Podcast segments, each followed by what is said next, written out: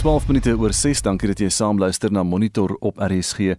Ons kyk vinnig na 'n oorsig oor vanoggend se nuus in die voorblaaie van die koerante hier in Suid-Afrika vanoggend.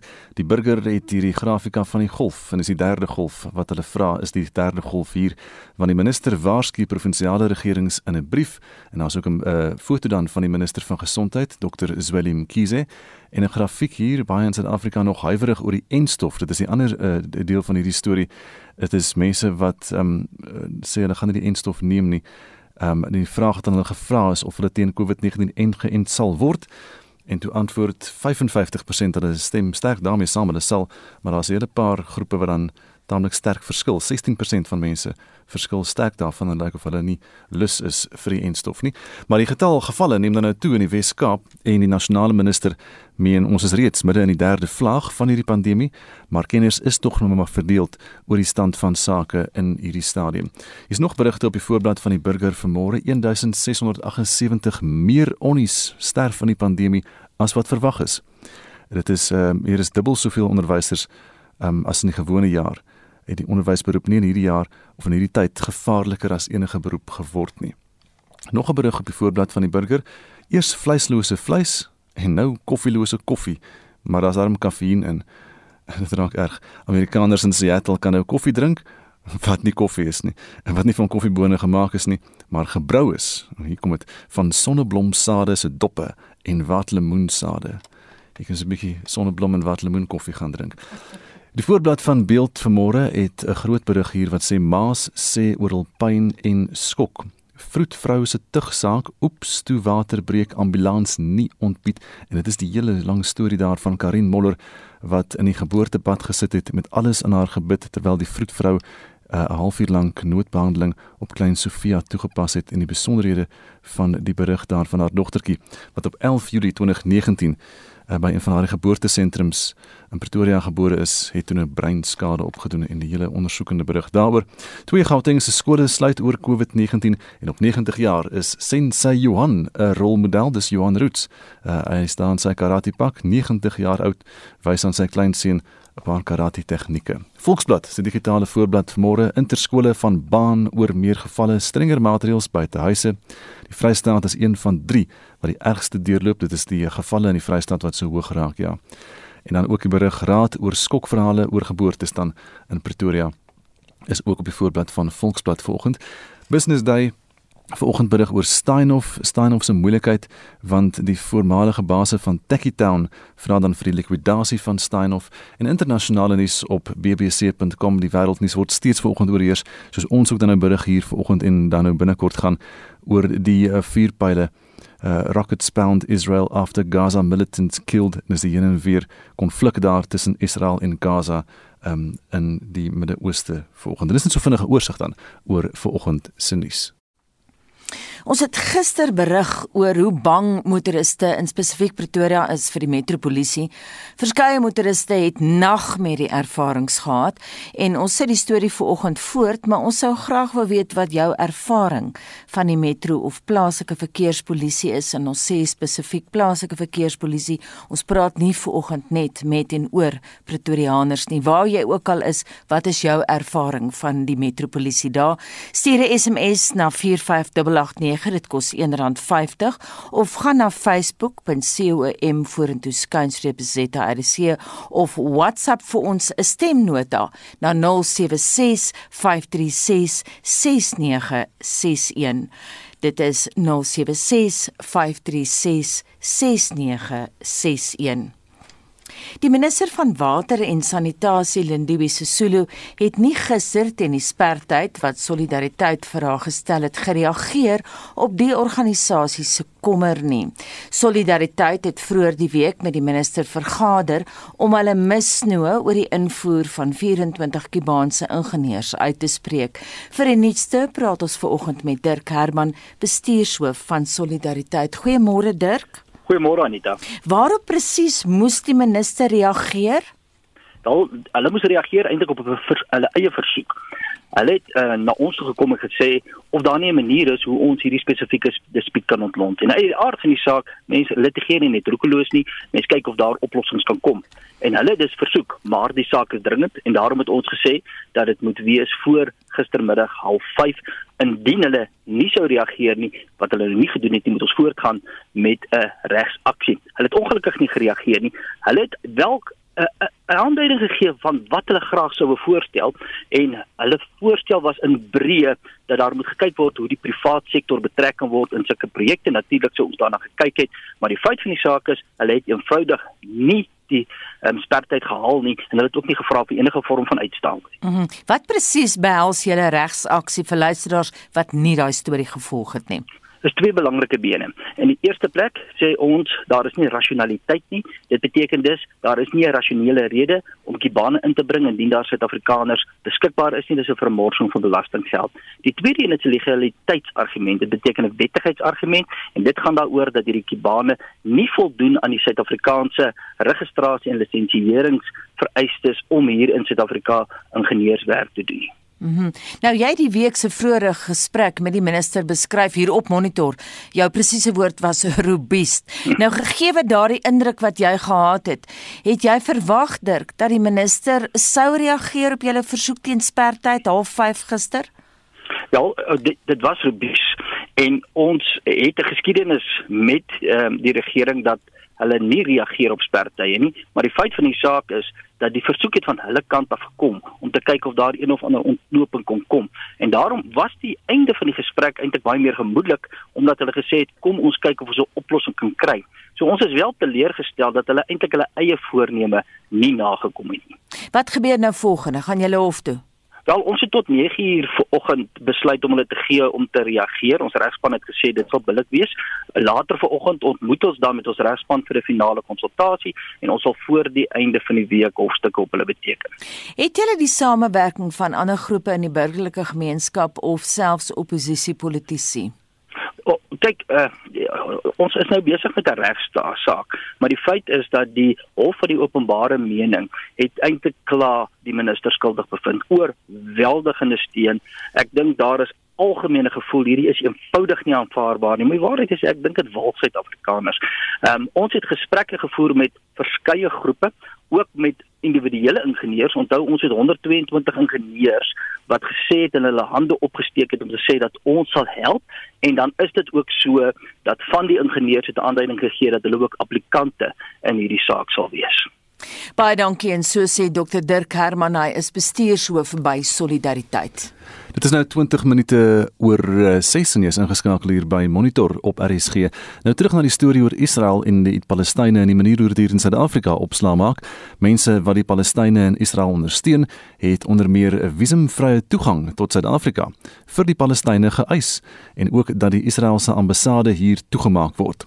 Honderde betogers, ook verteenwoordigers van die Moslem Regsraad, Al-Quds Stichting en verskeie politieke partye het na die parlement in Kaapstad opgeruk teen wat hulle beskryf het as apartheidsvergrype wat teen die Palestynë gepleeg word. Die pro-Palestynse optog is deur die Moslem Regsraad, die Al-Quds Foundation en sommige politieke partye soos die ANC, die Good Party, die EFF en Al-Jamaa georganiseer. Die tweede adjunkpresident van die Moslem Regsraad, Sheikh Riyad Fattar, het 'n beroep op die politieke partye gedoen om die Palestynse bevolking te ondersteun. Hy sê die lyding moet beëindig word. We as humanity people are dying and therefore the resistance in Palestine, we are with you. We feel the pain with you. Wallahi, we are crying for what they are going through. So today is but another statement from the Muslim Judicial Council and all of the people that attend. The people that are under occupation and that are suffering this are not only Muslim. Die betogers wil skerper optrede teen Israel hê soos boikotte en sanksies.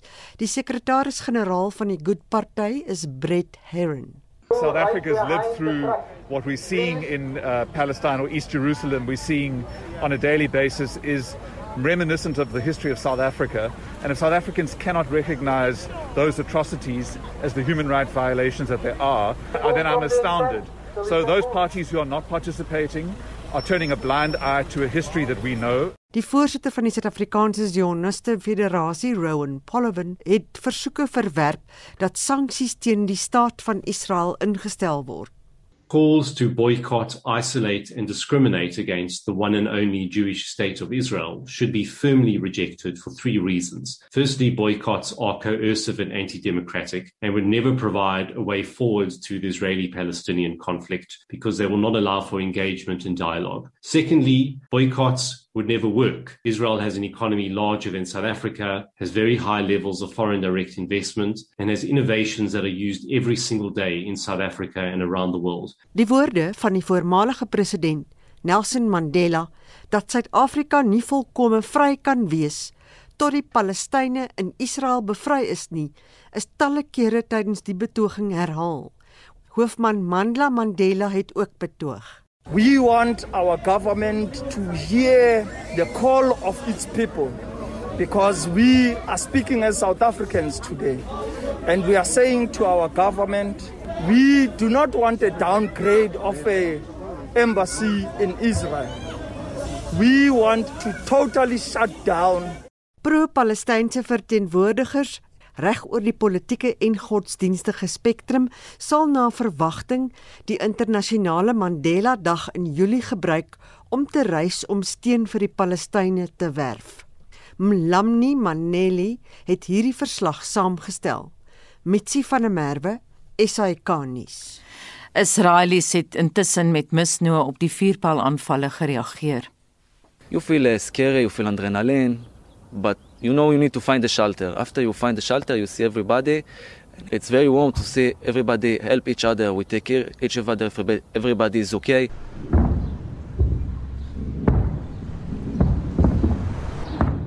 Well, it was a really scary night. Um, my friends who live in remote places were even more scared, but they're used to this reality of missiles being uh, fired from the Gaza Strip. And um, all of Israel's under attack. It's a very scary situation to be in. I would like to see an end that uh, will leave some kind of positiveness to find a solution between us and the Palestinians.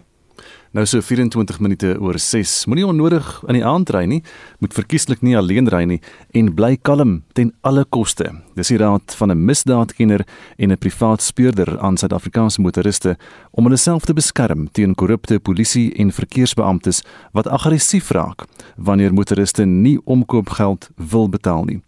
Hoewel dit 'n misdaad is om omkoopgeld te betaal, verkies baie motoriste eerder om die wet dan maar te oortree as om hulle vertroue in die reg te plaas wanneer hulle met inhegtenisname gedreig word. Lila Magnus het meer. Dit is nie ongewoon in Suid-Afrika om in die aand deur polisie of verkeersbeamptes afgetrek te word nie. Dit is ongelukkig ook nie ongewoon vir die beamptes om motoriste te intimideer en te dreig in 'n poging om omkoopgeld te kry nie, sê die privaat speurder Mike Bolhuis wat reeds 15 jaar korrupte sekuriteitsbeamptes ondersoek. Die motoriste, ek sou sê 90% uit al die sake en klagtes en terugvoer uit ons ondersoek wat ons gekry het, raak betrokke en gee die geld weens die volgende redes. Die motoris word dit baie duidelik onder die indruk geplaas wat gaan die proses wees indien hy nie sy samewerking gee nie. In ander woorde, hy gaan gearresteer word, hy gaan gevat word na die lokale polisiestasie, hy gaan daar in 'n sel sit. Daar is egter motoriste wat nie by omkopery betrokke wil raak nie. Bolai sê daar is sekere stappe wat jy kan doen om jou veiligheid in so 'n geval te verseker. Vra vir identifikasie en maak seker dat die identifikasie wat gedien gedien word juis in korrek is. Vra wat is die klagte sodat dit alles op video en audio is. Maak seker dat jy behoorlik verstaan wat is die klagte. As daar nie 'n klagte is nie, wat is die versoek? En hier kom die ding mense, moenie drink en ry nie. As jy net 'n bier of 2 in het, dan is dit al klaar 'n probleem. Die kriminele regkenner Dr. Llewellyn Kerloos sê jy het ook die reg om 'n regsadviseur, familielid of vriend te bel. Hy beveel egter aan dat mens nie alleen ry nie. Ek verkies deesdae om mense te adviseer dat jy hopelik na veral as dit begin donker word nie alleen moet bestuur nie, nie alleen in 'n voertuig moet wees nie, sodat daar ten minste altyd so ver moontlik 'n ooggetuie kan wees van die verrigtinge. Kerloos sê daar is geen wet wat jou verbied om die interaksie met die beampte af te neem nie. Dit moet net nie met die beampte se handeling inmeng nie. Al stem jy nie saam met wat gebeur nie. Ek is ten gunste van die afneem eh, die van videomateriaal om die uh om die hele proses natuurlik stiptelik uh vas te vang op op op op video uh materiaal sodat dit later natuurlik as stawing gebruik kan word vir wat ook al die geval mag wees, die verrigting in die hof of andersins. Um ek is nog altyd gewonder uh hoekom die polisie 'n probleem daarmee sal hê dat die verrigting afgeneem word as hulle niks verkeerd gedoen het nie. Bollay stem saam, dit is belangrik om enige interaksie af te neem, maar sê dit is meer belangrik om deurentyd kalm te bly. Jy moet nederig bly, jy of sy, en jy moet jou volle samewerking gee, want dit is waarop hulle die meeste mense hak is oor die gesindheid. Jy moet jou volle samewerking gee. Jy moet nederig bly. Jy moet onkonfronterend wees. Do not be provocative. En jy moet seker maak dat jy alles behoorlik verstaan en jou samewerking gee. Dit is onwettig om omkoopgeld te betaal. Kerloos en Bolhuis waarsku as motoriste nie ophou omkoopgeld betaal nie, die beamptes nie gaan ophou om motoriste daarvoor te terroriseer nie. Ek is Lila Magnus vir SAK nuus in Pretoria. En daarvan gepraat hier is Estie. Ons praat vanoggend en ons vra vir mense of hulle dalk riller stories het oor verkeersbeamptes of polisiebeamptes op ons land se paaie of wat hulle ervarings is en Andrei Delport sê ek het al byna 'n half miljoen kilos op ons paaie gery en nog nooit het ek 'n negatiewe ervaring gehad nie behalwe dat ek eendag 'n spoed spoedkaartjie gekry het en hulle gevra het om dit daar of daar en dan vir die ding te betaal en hulle het nee gesê omdat ek dit by die landdroskantoor moes gaan betaal het. En Andrei sê ek is gister weer afgetrek en alles is baie vriendelik en professioneel nagegaan deur verkeersbeamptes en ek was weer op pad. En Wilja Lourens skryf vir ons ek het net reg voor 'n garage gaan stop waar daar kameras was and all was good in the end. En Marco Okram Marcus skryf vir ons ek ken 'n vriend wat afgetrek is tydens die inperking Hulle is gevang met wyn en 'n boks drank en die verkeersbeamptes het vir hulle elkeen 'n bottel drank gevat en hulle laat gaan. En Christian Pelser laat weet vir ons in Centurion waag jy nie om na een van die twee polisiestasies toe te gaan nie. Hulle hanteer jou asof jy 'n krimineel is en die houding waarmee hulle jou aanvat is om van siek te word. Ons vra vandag vir jou Wat is jou ondervinding met die metro of plaaslike verkeerspolisie in jou omgewing? Is hulle vriendelik en hulpvaardig of het jy ook riller stories soos sommige van ons luisteraars om te vertel? Stuur vir ons 'n SMS by 45889. Onthou dit kos R1.50 per SMS. Gesels saam op ons Facebookblad by facebook.com/ZARSG of WhatsApp vir ons stemnota 0765366961 na 076 536 6961. 24 voor 7 en ons beweeg na die sportveld. Hier is Shaun Jooste. Eerstens in rugby nuus. Die skeieregters vir die naweek se Suid-Afrikaanse Reënboogbeker reeks wedstryde is gister bekend gemaak. AJ Jacobs blaas die vlekkie Saterdagmiddag in Johannesburg tussen die Lions en Stormers, terwyl Jaco Peyper die kragmeting die aand in Pretoria tussen die Bulls en Sharks beheer. Die wedstryde is kop half 2 en kwart oor 6 onderskeidelik af. Johan Rademan en Dion Skuman sal verslag doen oor die twee wedstryde. Sokker. Gister in die DStv Premierliga het Maritzburg United 3-2 teen Golden Arrows en SuperSport United 1-0 teen Chakuma FC geseëvier.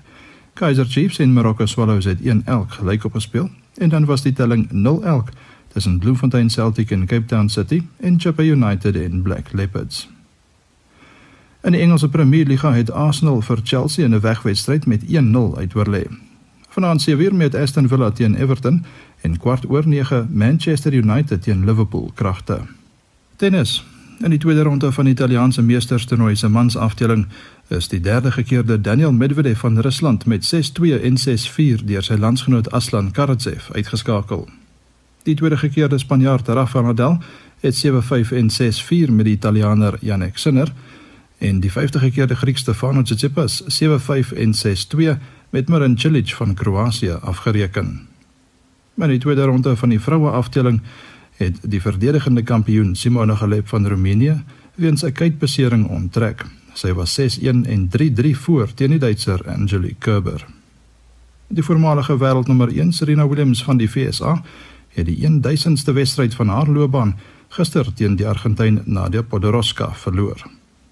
En in die eerste ronde van die mans dubbelspel afdeling het Suid-Afrika se Ryan Klasen en sy spanmaat van Japan Ben McLaughlin in drie stelle met die Argentyn Maximo Gonzalez en die Fransman Fabrice Martin klaar gespeel. En laastens op die golfbaan slaan die PGA Tour se Byron Nelson Classic vanmiddag kort voor 2 in McKinney in Texas af. Die drie Suid-Afrikaners in die veld is Erik van Rooyen, Charles Schwartzel en MJ Daffue. Sanghoon Kang van Suid-Korea is die verdedigende kampioen. Matthias Schwab van Oostenryk op 6 onder is die voorloper na die eerste ronde van die Europese Tour se Britse Meesterstoernooi in Engeland. Louis de Jager vaar die beste onder die Suid-Afrikaners en is gesamentlik derde op 4 onder. En die Suid-Afrikaanse vroue ope begin half 8 by die Westlake Golfklub in Kaapstad. Groot name soos Leanne Pace, Cassandra Hall, Stacey Brigman en Caitlin McNabb neem aan die toernooi deel. Shaun Schuster, SAK Sport. Die VN-veiligheidsraad kon weer eens nie daarin slaag om 'n ooreenkoms te bereik oor hoe hulle op die konflik tussen Israel en die Palestynë gaan reageer nie. Dit was die raad se tweede noodvergadering in 3 dae oor die saak. Israel het aanvalle op Hamas-beheerde teikens in die Gaza-strook geloods na 'n ewige missielbestoking Israelies in die suide van die land na skuilings laat vlug het. Ten tye van die vergadering is minstens 53 Palestynë en 6 inwoners van Israel dood terwyl internasionale kommer oor uitgeregte oorlog toeneem.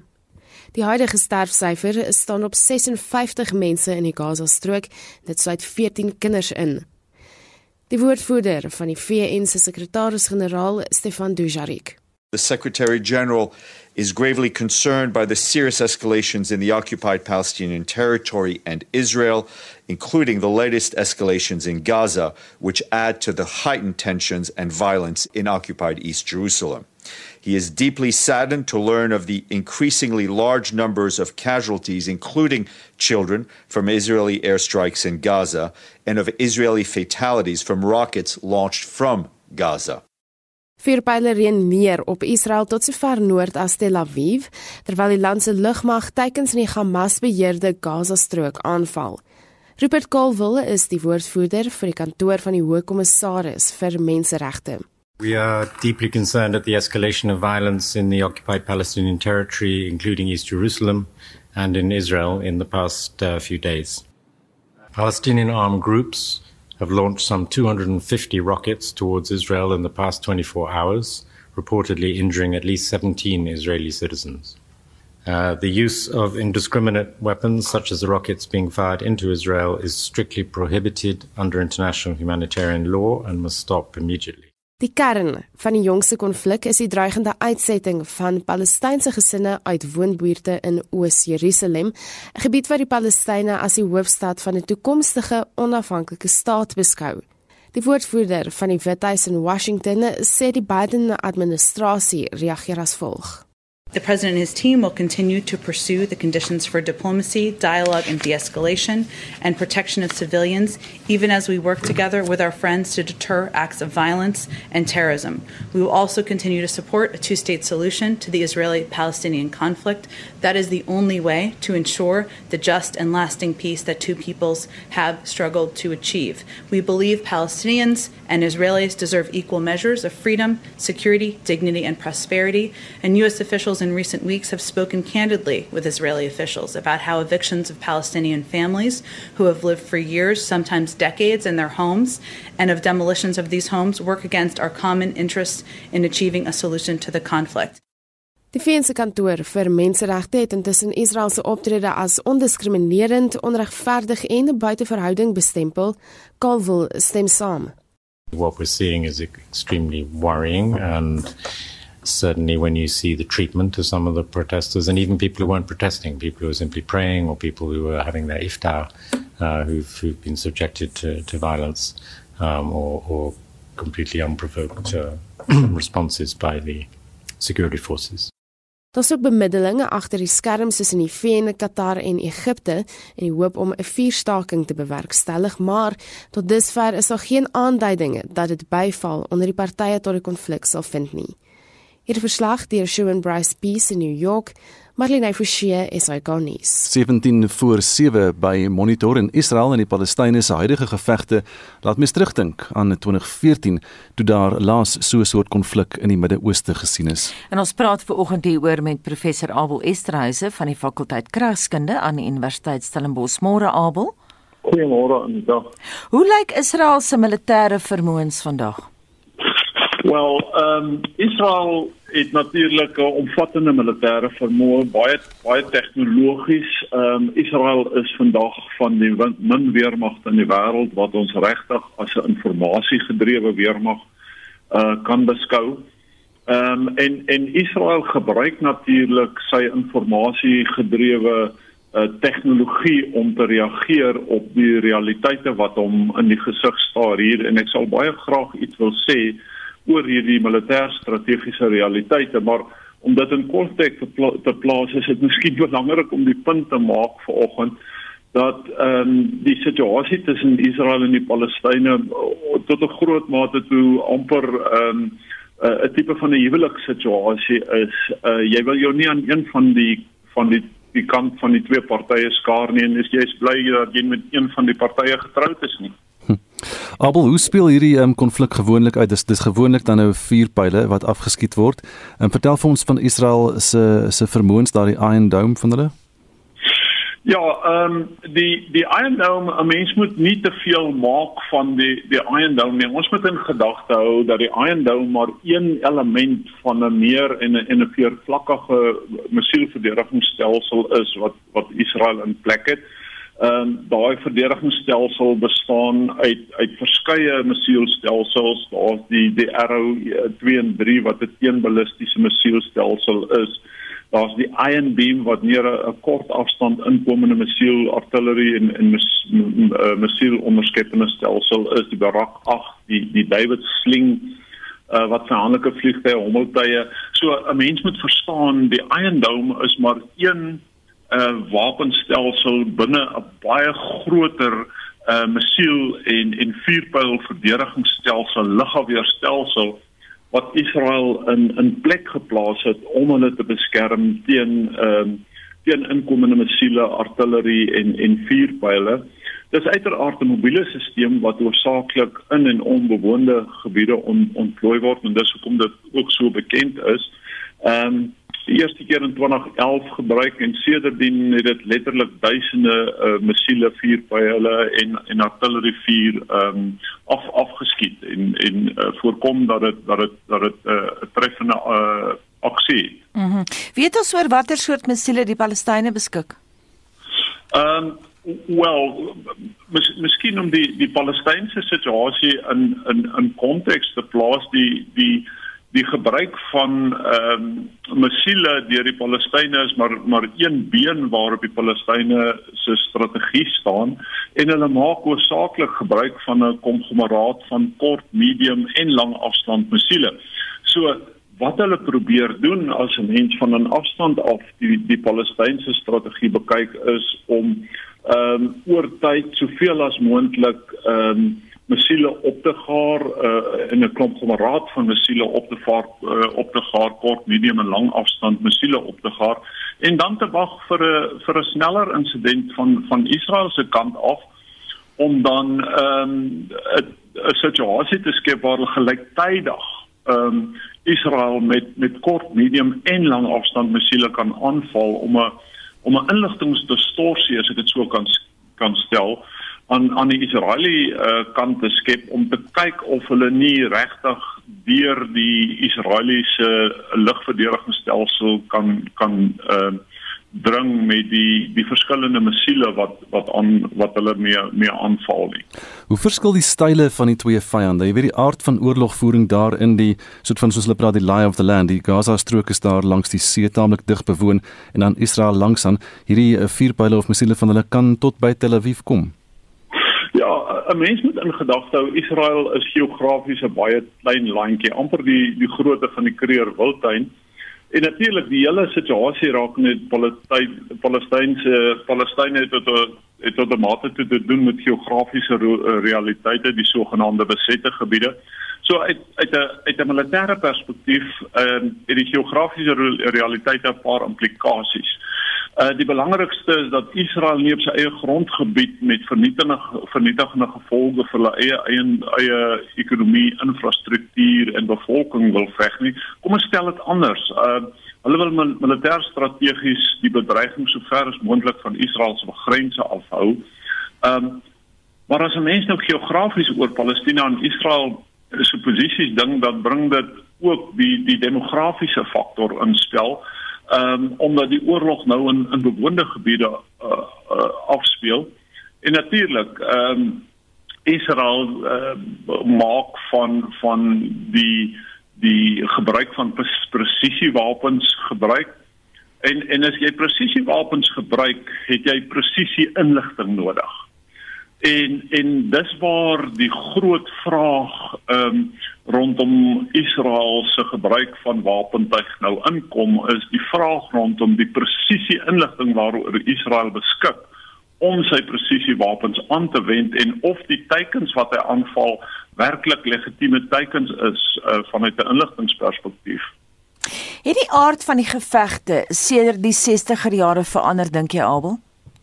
Definitief. Ehm um, en en hier moet 'n mens ehm um, na die na die Palestynse strategie gaan kyk.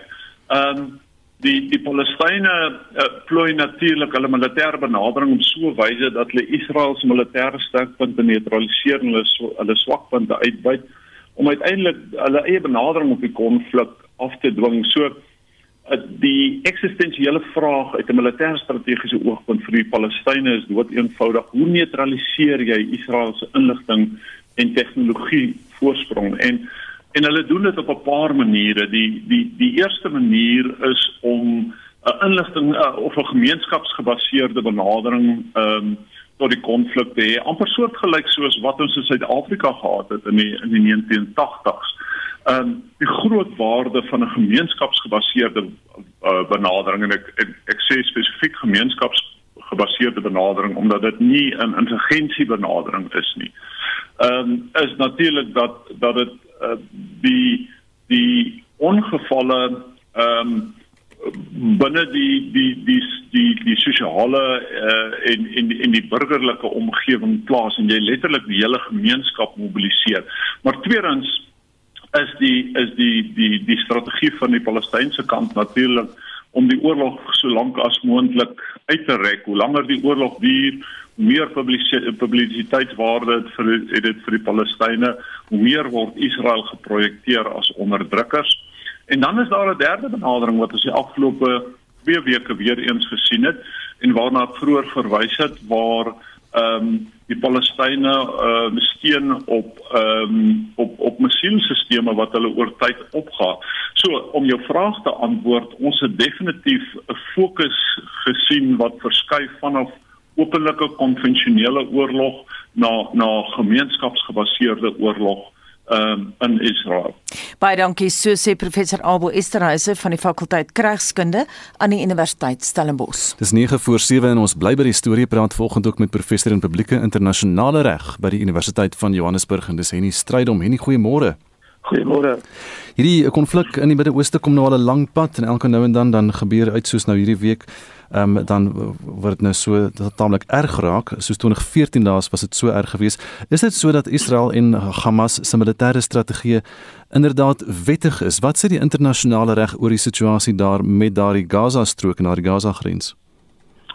Nou, ek dink een van die eerste punte wat van belang is, is natuurlik die kwessie van disproporsionele ehm um, slagoffers wat uh, ter sprake kom in hierdie tipe konflik. Uh juis omdat uh, uit 'n massa oogpunt uh, uh, hulle in hulle self bevind in, in burgerlike gebiede en dan is dit albei gesê wanneer hierdie presisiewapens gebruik word uh, teen die aanvalle uh, uit uit Gaza uit uh, is daar altyd die groot potensiaal dat uh, burgerlike slagoffers uh, in groot getalle uh jy weet op, op rekord kom. En dan sit ons natuurlik met een van die kardinale beginsels van die Geneefse konvensies uh, en die internasionale humanitêre reg. En dit is uh dat uh, aanvalle van hierdie aard moet uh, moet proporsioneel wees uh tot die militêre oogmerk.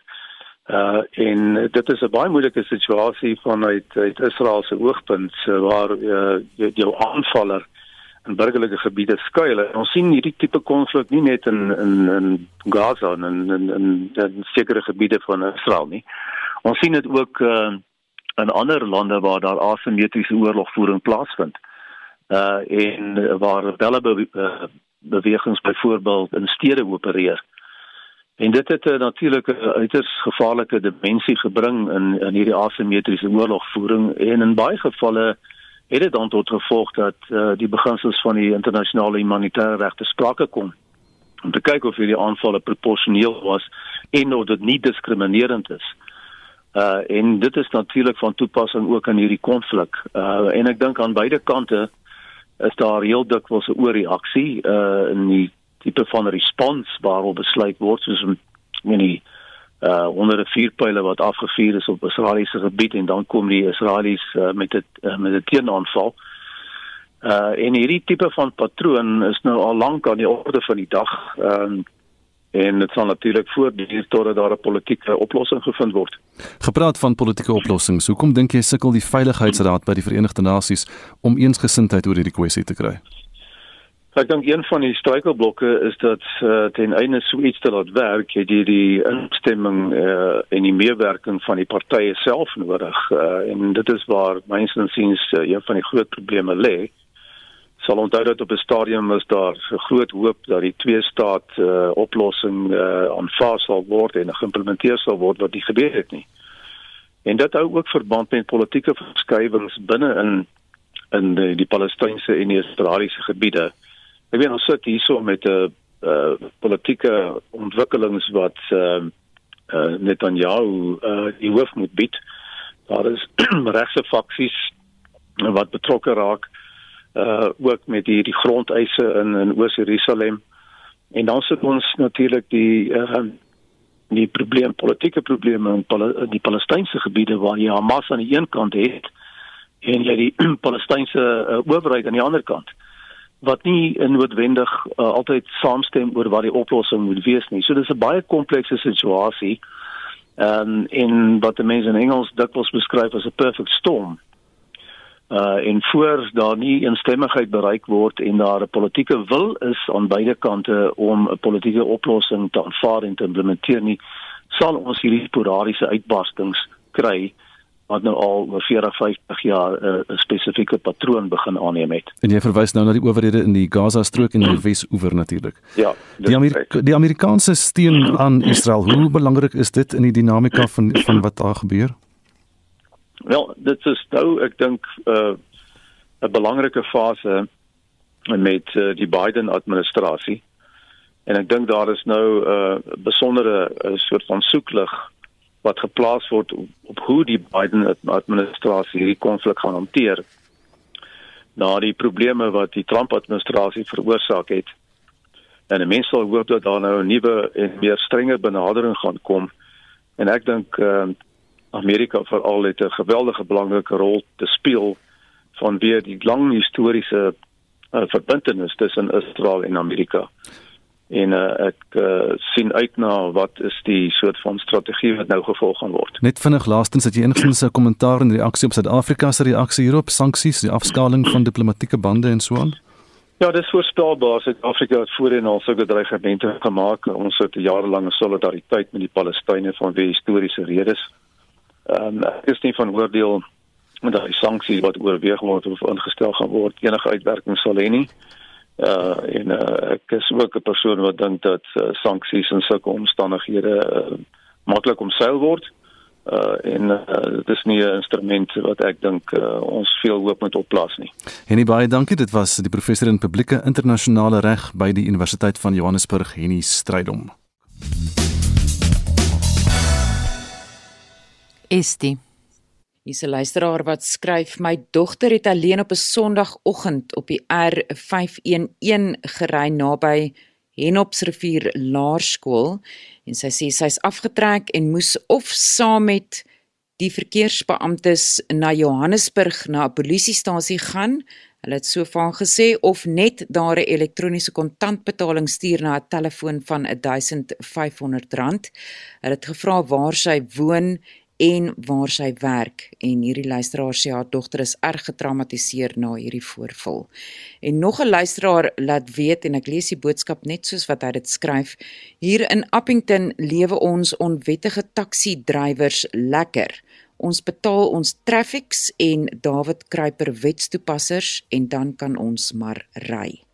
En Johan van Palleborwa sê as die verkeersbeamptes vra vir omkoopgeld, sê ek vir hom gee maar die boete, dan vra hy vir my uh ek wil 'n boete van R500 hê in plaas daarvan om die omkoopgeld te betaal, dan sê ek vir hom ek sien jou in die hof, dan vra hy vir my hoekom? Dan sê ek vir hom wie gaan die landdros glo?